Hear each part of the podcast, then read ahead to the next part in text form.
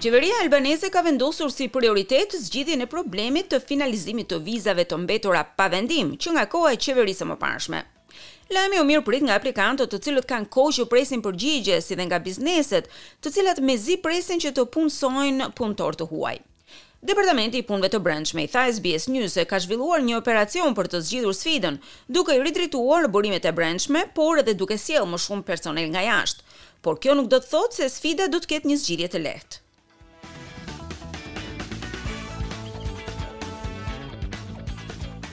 Abdu Gamal Tahir është inxhinier nga Jemeni. Ai ka patur një karrierë të shquar jo vetëm në vendin e tij, po edhe në Nairobi të Kenias.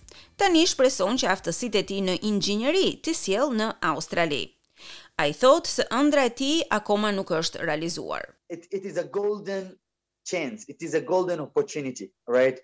At the end, it's not something that we are being a burden on the Australian economy. Është një shans i artë, është një mundësi e artë.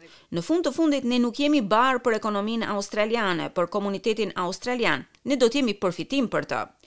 Ai ka aplikuar për të marrë një vizë si i diplomuar i inxhinierisë. E bëri këtë në maj të vitit dy mijë e nëntëmbëdhjetë. Por viza dhe kërkesa për të ka mbetur akoma pa një miratim, pavarësisht nevojës së jashtëzakonshme të Australisë për inxhinierë të kualifikuar.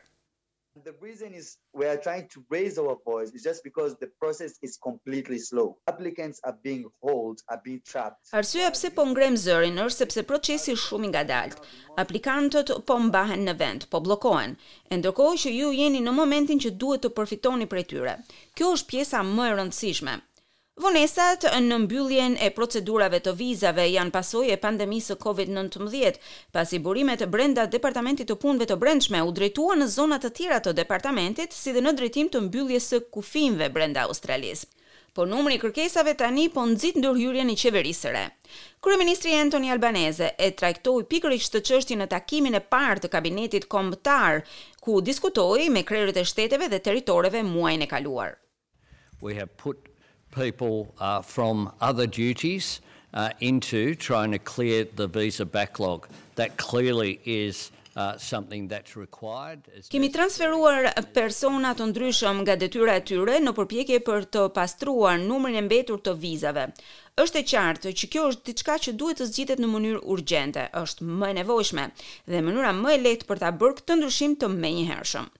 Një zëdhënës i Departamentit të Punëve të Brendshme i tha SBS News se brenda departamentit ka patur transferta të personelit nga zona të tjera të departamentit, por edhe nga forca kufitare australiane.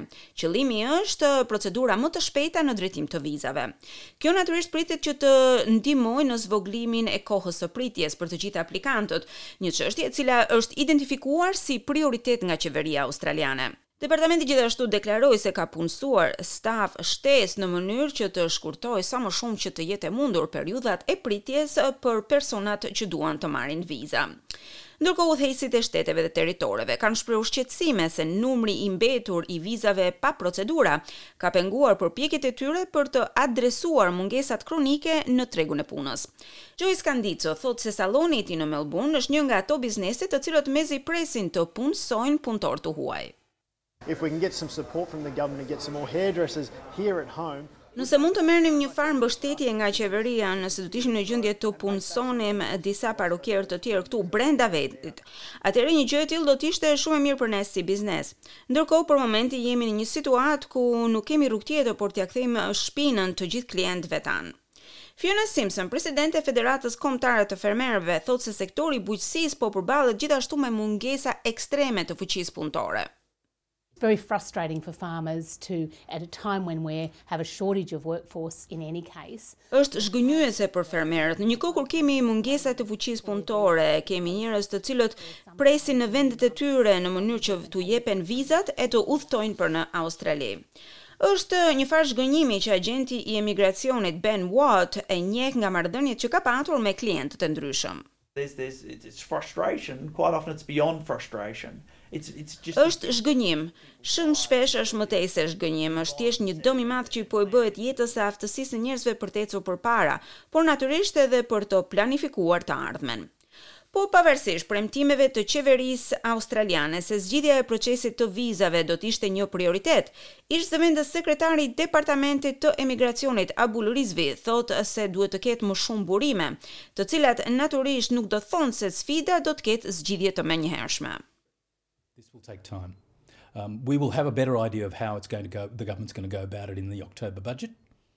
Kjo do të marrë kohë. Do ta dimë më mirë se si do të veprojë qeveria në momentin që shpallet buxheti i tetorit, por natyrisht aty qeverisë do t'i duhet që të zgjidhë disa çështje kritike. Le të mos harrojmë se departamenti ka në plan që të ofrojë më shumë se tridhjetë mijë vende të reja në programin e emigracionit, e për ta bërë këtë i duhet që patjetër të punësojë më shumë persona. Kërkesa për viza humanitare, duke përfshirë këtu edhe persona nga Afganistani, është një pikë tjetër presioni mbi planifikimet e qeverisë së re.